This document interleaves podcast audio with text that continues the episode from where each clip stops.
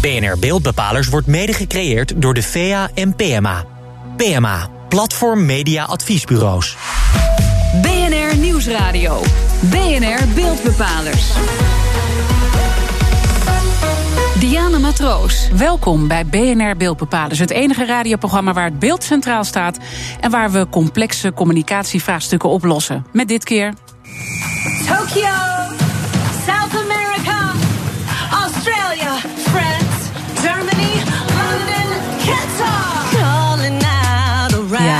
je binnen en buiten Nederland impact met je ontwerp? We kijken door de ogen van een designer naar de wereld om ons heen en bespreken de WK-campagne die de hele wereld overging. U hoorde er net een stukje van. En dat doen we met onze gasten. Harold Dunning, hij is medeoprichter van de Correspondent en tevens oprichter van designstudio Momkai. En Sander Volter van het reclamebureau 180 Kingsday. Zij maakten onder andere voor het WK de campagne voor de hoofdsponsor Qatar Airways. Heren, welkom. Sander, om met jou te beginnen. Als je naar die voetbalwedstrijden kijkt, let je dan op het voetbal of let je op hele andere dingen? Uh, eigenlijk wel op allebei, ja. Ik, uh, ik uh, werk al een aantal jaren ook voor andere voetbalsporen in andere competities, sporten, sponsoren, sorry. En je kijkt altijd wel ook naar wat er om de voetbalwedstrijd heen gebeurt. Ja, het is toch gewoon een afwijking die ik nu, ja, die ik nu heb. En wat valt dan op? Nou ja, er zijn natuurlijk allerlei regels uh, waar men zegt dat je je aan moet houden als het gaat om de, om de borden aan de zijkant. Dus, uh, en sommige sponsoren proberen daar dan toch creatief, creatiever mee te zijn dan anderen. En vaak blijkt het gewoon niet te werken, want ja, je kan eigenlijk niet lezen wat erop staat. Dus uh, ja, oh, de dus eerste, eerste regel is toch wel, het moet leesbaar zijn. Dat is toch wel, ja. En als we even kijken naar jou, Harold, met Momkai. Zijn jullie een van de weinigen die met oranje bezig zijn op dit moment? Ja, zeker. Wij doen uh, alle digitale platformen voor de KNVB. Dus wij, uh, wij zitten wel echt in de dugout, maar dan gewoon in Zeist. Mooi. Uh, we gaan even weer terug uh, bij die campagne. Want die is nu heel actueel bij het WK. Uh, nou, krijgen hem elke keer krijgen hem te zien. Ja. toch bijzonder. Jullie opereren zowel in Nederland als in het buitenland. Maar hoe, voor van origine een Nederlands bedrijf natuurlijk. Hoe zijn ze bij jullie uitgekomen? Of moet ik het toch anders zien? Nou ja, Qatar Airways is nu al een aantal jaren een klant bij, bij ons in Amsterdam. Ehm, wij zijn eigenlijk een combinatie van twee bureaus. Hè. Wij zijn gefuseerd een jaar geleden met een meer Nederlands bureau, Kingsday opgericht door mij en uh, drie van mijn partners. Uh, samen met echt een internationaal gerenommeerd creatief bureau 180. Um, en dat hebben we eigenlijk nu omgevormd in eigenlijk een heel nieuw, uh, nieuw bureau. Erg, erg leuk, want het is denk ik in Amsterdam een van de weinige bureaus waar die twee stromingen samenkomen.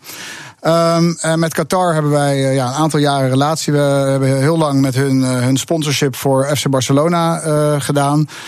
hele mooi, heel mooi werk gedaan. En eigenlijk een jaar geleden hebben we opnieuw moeten pitchen. Zo gaat het daar. Moet je elke paar jaar moet je opnieuw bewijzen dat jij de beste partij bent voor Qatar. En dat hebben wij gewonnen. En eigenlijk onze eerste opdracht gelijk was ja, deze campagne nu voor het WK. En dat is gigantisch, toch? Het is een miljoenenproject? Het is ja, de precieze bedragen, maar inderdaad miljoenenproject zeker een miljoenenproject. Het is een, uh, het grootste project waar je als, uh, ja, als, als bureau aan gaat werken. Naast het wereldkampioenschap is misschien alleen het, de Olympische Spelen nog even groot. Maar het is echt een enorme grote campagne. Ja. En als je dan kijkt, zo'n grote campagne, wat was dan het meest uitdagend voor jullie bij dit project?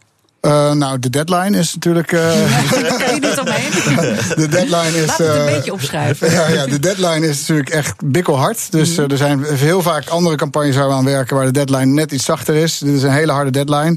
Um, het is ook, ja, wat je zegt, het is heel groot. de productie is daardoor heel complex. meerdere plekken in de wereld waar je uiteindelijk het moet opnemen om maar inderdaad dat wereld, wereldse gevoel te geven aan de campagne.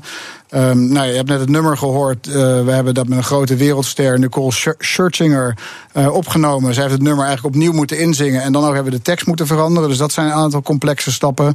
Um, het gewoon dealen met een uh, celebrity zoals zij is, is al een, best wel een uitdaging. Oh, en dan ja? heb je ook nog te maken natuurlijk met alle regelgeving rondom FIFA. Want FIFA is natuurlijk heel ja, precies in wat wel en wat niet mag. Dus het is, ja uiteindelijk is het een best een grote uitdaging. En ik kan me ook voorstellen, je krijgt natuurlijk met Rusland te maken, maar ook met Qatar, want je maakt het voor Qatar Airways, de hoofdsponsor. Ja. Uh, met wat voor ingewikkelde dingen hou je dan rekening? Of nou, met Qatar, ik denk als je kijkt naar uh, Qatar Airways, uh, de meeste directe klanten van ons zijn Westelingen, zoals wij zelf, uit Australië, Ierland, sommigen uit Zuid-Amerika. Um, daarmee zie je dat eigenlijk de relatie eigenlijk zo werkt zoals bij een andere klant. Maar aan de top van het bedrijf zijn het eigenlijk allemaal Qatari. Die, ja, het is natuurlijk een hele, heel klein land met een kleine uh, populatie. Volgens mij 300.000 mensen. Um, dus je hebt altijd de kans, en het gebeurt best vaak uiteindelijk, dat er iemand bovenin uh, ons werk ziet en toch daar een mening over heeft die afwijkt van de mensen waar wie wij de afgelopen maanden mee hebben gewerkt. Waardoor je op een bepaald moment die campagne compleet anders zou kunnen moeten maken. Dus uh, een voorbeeld uit het verleden. We hadden een nummer uh, van de Beach Boys onder een soort testfilmpje gezet. Want dat vonden we wel een toepasselijk nummer om het idee voor de eerste keer te laten zien. Um, maar we hadden dat, dat nummer uiteindelijk niet gebruikt in de uiteindelijke campagne. Totdat iemand daar dat zag en die zei: Ja, maar dat, dat, dat, dat nummer, waar is dat nummer gebleven? Dus uiteindelijk hebben we toen in 48 uur dat nummer toch moeten Zo, afkopen. Dus dat geeft en, even ja. wat dingetjes aan uh, die daar allemaal gebeuren. En natuurlijk, ja. alcohol is een aspect waar jullie uh, rekening mee houden. Dat is ook wel de reden, heb ik begrepen, dat jullie met een heel groot team werken van internationale mensen. Die dus echt, ik begreep, iets van 26 verschillende nationaliteiten. Ja. Omdat je dus ook dan op verschillende manieren kan kijken naar een verhaal. Ik denk dat jij dit ook kan herkennen, Harold. Want jullie vinden diversiteit ook erg belangrijk. Uh, zeker, ja, ja, ja. Nou, uh, sowieso, kijk, wat hij ook natuurlijk vertelde, je werkt al met een heel internationaal team. Dat is, uh, en je hebt een heel internationale partij waar je voor moet spreken. En dan krijg je meestal hele verschillende stemmen daarbinnen. Um, ik heb nog niet eerder gehad dat een sheik mijn, mijn werk afkeurde. Maar soms voelde het wel alsof, alsof de klant de sheik was. Ja. ja, maar vind je diversiteit wel belangrijk in je team? Ja, heel erg belangrijk. Uh, wij zijn natuurlijk ook uh, bezig met die correspondent in Amerika. Dan staat dat nog veel meer op de kaart. En we hebben een paar jaar terug bij de correspondent het ook heel expliciet gemaakt. om juist ook een veel diversere redactie te krijgen. waarmee ja, veel een betere reflectie is van de Nederlandse samenleving. Um, en ik, ik vind al het beste voorbeeld eigenlijk ook wat je vaak merkt, ook als je op een vliegveld bent of zo. Als je al die nationaliteiten ziet. Um, dat, is veel, dat geeft veel meer weer waar, wat er om je heen gebeurt dan vaak de, de nog steeds helaas vaak roomwitte redacties die je ziet. Dus wij proberen dat juist heel expliciet te maken. Ja, ja nou, ik, jullie weten ook dat ik me daar heel erg uh, voor inzet. Ja, dus goed. ik vind dat ontzettend belangrijk ook dat ja. we. Het, je moet gewoon een waarheidsgetrouwe afspiegeling zijn van de samenleving. Om goede verhalen ook te kunnen maken. Toch nog even terug voor de mensen die misschien, ik kan me bijna niet voorstellen, niet weten waarom de correspondent ooit begonnen is. Neem ons nog even mee. Uh, nou, we zijn in 2013 begonnen met een crowdfund-campagne. En we wilden echt een, een ja, helemaal soort een nieuwe vorm van uh, journalistiek platform maken. Waarbij um, uh, we meer voorbij de waan van de dag gaan. Dus echt kijken naar uh, wat zijn nou de structuren achter, achter het nieuws die, die de wereld om jou heen bepalen. Dus we hebben het liever over het klimaat dan over het weer. En um, we zijn een crowdfund-actie begonnen omdat we een advertentievrij platform wilden oprichten waarbij de leden centraal staan. Dus wij kijken heel erg naar een interactie met, uh, met onze leden. Dus een, journalist bij ons is meer een gespreksleider. En wij zien in al onze leden, we hebben nu 60.000 betalende leden, zien wij als een expert. Iedereen is ergens een expert in, dan wel uit ervaring, dan wel uit kennis. Dus iedereen kan uh, wel bij een verhaal iets bijdragen. En dat, is, dat zien we ook als een hele grote bron van, van, van kennis die eigenlijk ongebruikt wordt in veel mm. andere media. Dus we proberen daar een andere uh, invulling aan te geven. Het bijzondere is van jullie allebei dat jullie zowel zaken doen in Nederland als in het uh, buitenland. Uh, je noemde het net al eventjes, de correspondent. Ja. Wordt hard aan gewerkt. Uh, jullie hadden zoiets, we zijn er nu klaar voor om die stap te maken? Ja, heel stiekem wilde ik dat al op dag twee van de crowdfunding vijf jaar geleden. ik dacht, oh, als dat hier werkt, dan kan je dit ook. Kijk, die, die waarden zijn vrij universeel. En het is over tijd heel duidelijk gebleken, zeker na Trump, dat het heel erg um, uh, ja, dat belangrijk is dat er uh, innovatie is in de journalistiek. En um, uh, dat er een echt onafhankelijke platform komt die misschien op een andere manier naar die structuren kijkt. En um, wij werken nu samen met Jay Rosen van New York University. En we werken nu toe naar um, het opzetten van uh, die correspondent. Waar we hopen dat al onze leden hier en alle andere Nederlanders ons steunen om, die, uh, om dat mogelijk te maken. Als ja, want het gaat natuurlijk om dat er geen uh, reclameinkomsten zijn. En dat je echt kan zeggen van wij zijn echt onafhankelijk met wat we brengen. Ja, zeker. En dat is, uh, dat is ook een vernieuwend model ook in, in Amerika. Dus dat, dat uh, hopen we ook uh, daar neer te zetten. Ik sprak met jullie natuurlijk ook over de diversiteit. Als we nog eventjes uh, jouw bedrijf, en dan gaan we straks wat uh, meer over design uh, praten. Uh, dat je zo'n divers team hebt. Hè? Want jij hebt het natuurlijk al eventjes uitgelegd, maar Sander, voor jou. Wat maakt het dat dat je helpt om nieuwe verhalen te zien? Bijvoorbeeld China, moesten daar zaken doen?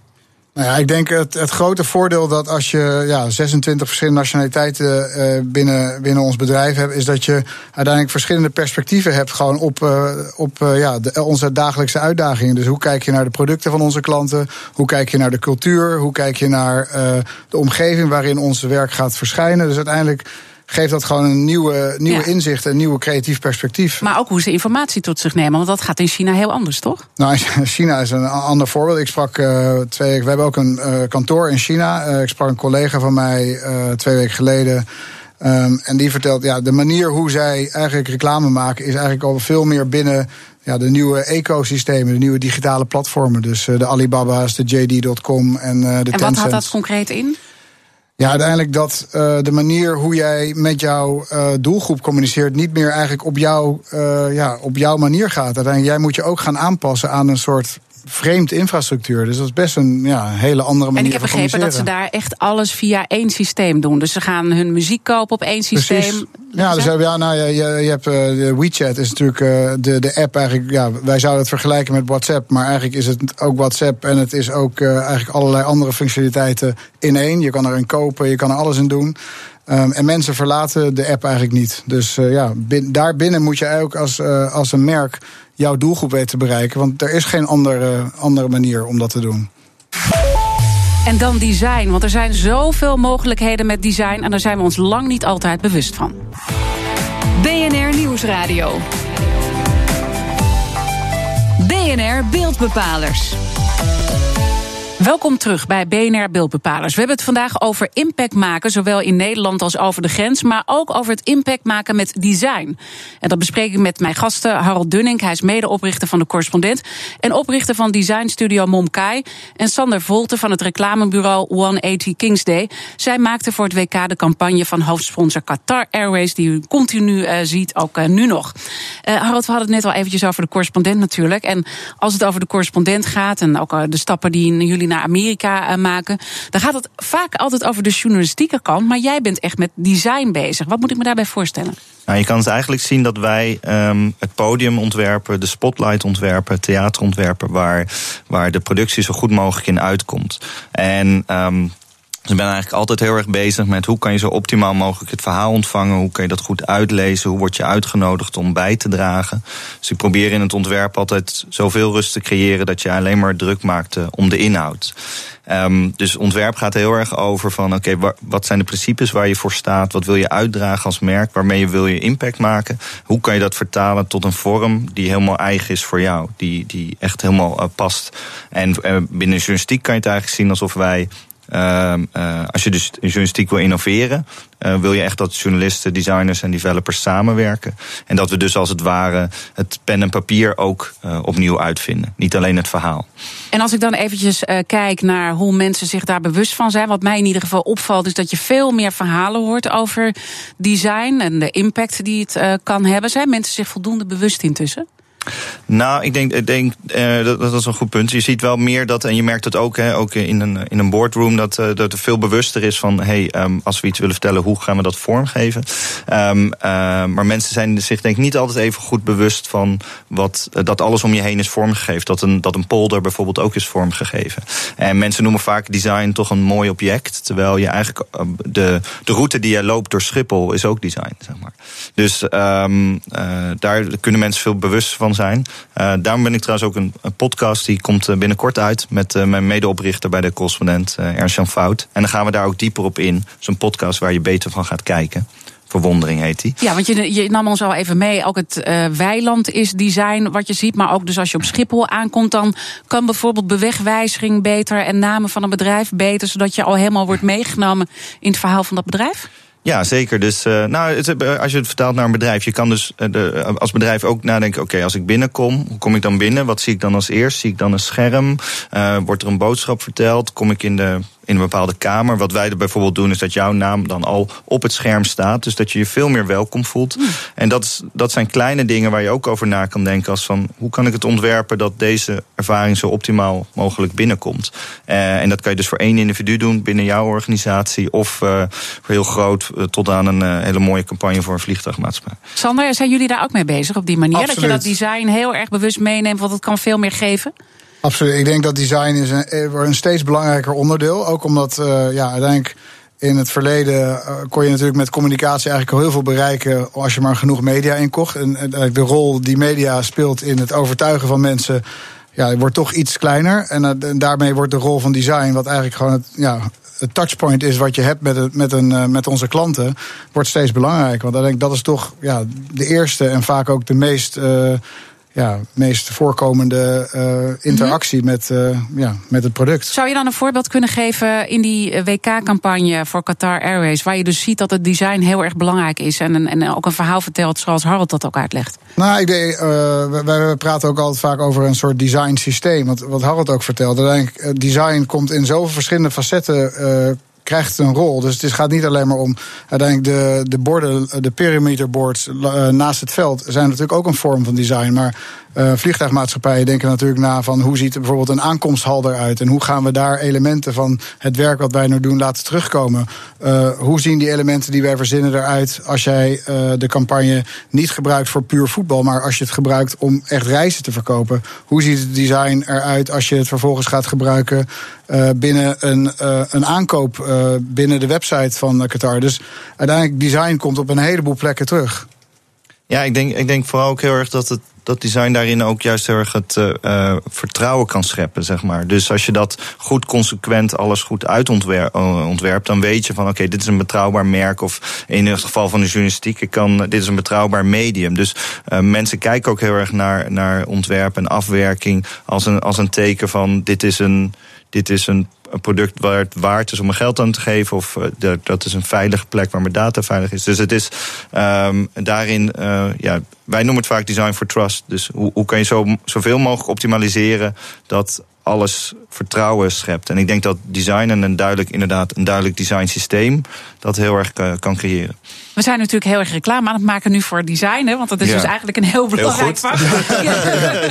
en ze moeten jullie natuurlijk allebei uh, bellen. Maar uh, zou, je, zou je kunnen zeggen uh, dat het meer nodig is om impact te maken nu? Want we hebben het ook over hoe maak je nou impact met je ontwerp of met je campagne? Uh, ja, nou, ik, wat je ook al eens aanstipte, dat je het meer leest overal en dat het meer inclusief is. Dat merk je ook. Het, het gaat vooral ook uh, dat je het vroeger in het proces hebt. Dus veel meer vanuit een strategie. En vroeger was het toch vaker dat het een soort. Um, ja, afterthought was. Van oh, nu halen we een designer bij en dan werd het geïmplementeerd als uh, we maken het even mooi. Even een logootje. Ja, even een logo. Ja. Maar je wil de, de waarde die je binnen strategie uh, hebt ook kunnen vertalen naar welke vorm zou dat kunnen geven. Uh, dus meer in de boardroom. Sander, ja. wat als je naar jouw vakgebied kijkt, wat heb je dan echt nu nodig om impact te maken? Wat is er veranderd? Nou ja, wij uh, uh, bij 180 Kings hebben het vaak over om de wereld te zien, niet zoals die is, maar zoals die ook kan zijn. En dus het gaat heel erg over Kijk niet naar de barrières die je hebt in wat je nu kent, maar kijk meer naar wat zijn de mogelijkheden uh, in een toekomstige uh, positie voor jouw merk. En dan heb je een van de facetten is natuurlijk het design, een van de facetten is je product, een van de facetten is de, eigenlijk de, de, de commerciële omgeving waarin je manifesteert. Dus dat kan zijn inderdaad een retail omgeving, maar ook een e-commerce omgeving. En um, ja, ook omdat wij veel met partnerships werken, um, zie je ook de rol die jouw merk binnen cultuur kan spelen, is ook, is ook heel belangrijk. Dus uiteindelijk we werken veel met muzikanten of met ja. sport. Ja, iedereen werkt meer global, hè? dus het wordt voor iedereen veel belangrijker om die culturen toch te snappen. Om de culturen te snappen, of in ieder geval ook een soort uh, uh, overeenkomsten tussen culturen te snappen. Want eigenlijk ons werk gaat natuurlijk niet alleen voor de Nederlandse markt. We hebben ook klanten waarmee we puur voor de Nederlandse markt werken. Maar ook daarin zie je dat het belangrijk is dat je het perspectief op een andere manier kan draaien, wordt het ook interessanter voor de Nederlandse markt. Ja, we zijn alweer aangekomen bij de conclusie. Het gaat razend uh, snel. Uh, ook dit keer kom ik weer tijd tekort. En we proberen antwoord te geven op de vraag... hoe ontwerp je met impact? Misschien kunnen we advies geven aan jonge ontwerpers... en reclamemakers die net beginnen. Harold, wat zou jij tegen een jonge ontwerper zeggen? En dat ze heel bewust kiezen waar ze hun energie aan geven. Dus je kan voor alles en iedereen ontwerpen. Um, en je kan natuurlijk altijd zelf voor kiezen dat je bijvoorbeeld voor een bank gaat ontwerpen. Maar um, je moet je voor jezelf gaan afwegen: is dat, is dat iets waar ik mijn uh, energie het beste aan kan geven? Uh, uiteindelijk voelt het het meest rijk als je, je, je iets kan creëren wat echt bijdraagt en wat anderen kan helpen. Mooi.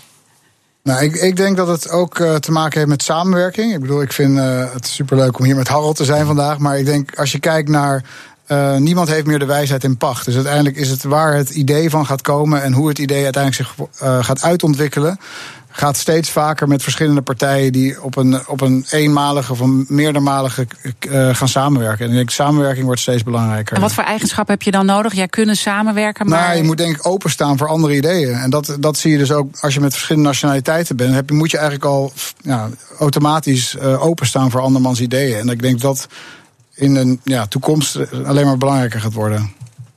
De beeldbepaler van de week. Dat sluit ontzettend mooi aan bij de beeldbepaler van de week. Want we kijken altijd wat deze week het beeld bepaalde. En uh, misschien wel interessant in dit verband. Het team van RTL Boulevard is een stukje diverser geworden. Vlogger Ruba Zai zal meerdere keren per maand aanschrijven als lifestyle-deskundige.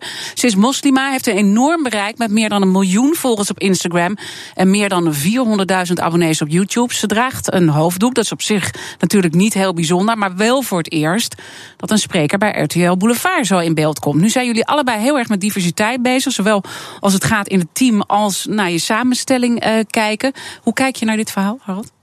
Nou, dat juich je toch alleen maar toe. Dat is heel goed. Ik bedoel, dat is een heel groot deel van, uh, uh, van uh, wat ook Nederland bepaalt. En dat je wil dat mensen zich daarin kunnen herkennen. En, en precies aansluitend op wat jij net zei, ook dat weer andere mensen zien dat wij in een hele diverse samenleving leven. Een stukje meer empathie maakt het volgens mij ook alleen maar prettige samenleving. Nou ja ik, ja, ik ben het er helemaal mee eens. Ik ben ook, ik sta, ik, ben, ik juich alleen maar toe. En ik denk dat het alleen maar goed is dat er inderdaad ja, meerdere gezichten op uh, televisie verschijnen dan dezelfde gezichten die we altijd zien. Dus dat betreft alleen maar goed. Ja, ja want waarom is dat goed om het toch nog even uit te leggen? Nou ja, uiteindelijk, omdat het uiteindelijk het is een reflectie van de samenleving waar we in wonen. Dus uiteindelijk, uh, ja, we wonen niet in een samenleving met alleen maar blanke mannen. Maar uiteindelijk wonen we in een samenleving met uh, allerlei nationaliteiten en allerlei kleuren. En ja, dat is alleen maar goed. En als je dan kijkt naar de reclamewereld, is daar nog winst te behalen? Absoluut. Ja, ja ik denk. ja. ja. nee, ik denk absoluut zeker dat uh, wij als reclamewereld uh, nog een hele grote taak uh, hebben om daar ook ons aan, aan te gaan passen. Ja. ja, en de journalistiek natuurlijk ook. Ja, zeker. Ja, hoe, hoe gaan jullie dat in Amerika doen met de correspondent? Want het is een kwestie van tijd en dan gaan jullie dat natuurlijk gewoon doen daar. Nou, we hebben net onze eerste ehm, persoon aangenomen, onze eerste collega aangenomen. Zeynep Shah, zij was de Global Operations Lead van BuzzFeed. Ze heeft ons benaderd. Het is echt te gek dat ze bij ons komt. Zij is Pakistaans, uh, Canadees, heeft een green card en heeft in echt over de hele wereld gewoond. Dus zij is eigenlijk de belichaming van de diversiteit ja, die jij ook omschrijft. Ja. Ja, en je hebt er genomen vanwege uh, de inhoud. En ja, natuurlijk zeker, ook super. dat zij gewoon uh, meerdere facetten uit een verhaal kan belichten. Ja, zeker. Nee, echt een heel groot talent. Ik wil jullie allebei danken. Harold Dunning, medeoprichter van de correspondent en oprichter van designstudio Momkai. En Sander Volter van het reclamebureau 180 Kings Day. Dit was alweer BNR Beeldbepalers. Terugluisteren kan via de app, de site, iTunes en Spotify. Mijn naam is Diana Matroos. Tot volgende week. BNR Beeldbepalers wordt mede gecreëerd door PMA en de VEA. VEA, de Vereniging van Toonaangevende Communicatieadviesbureaus.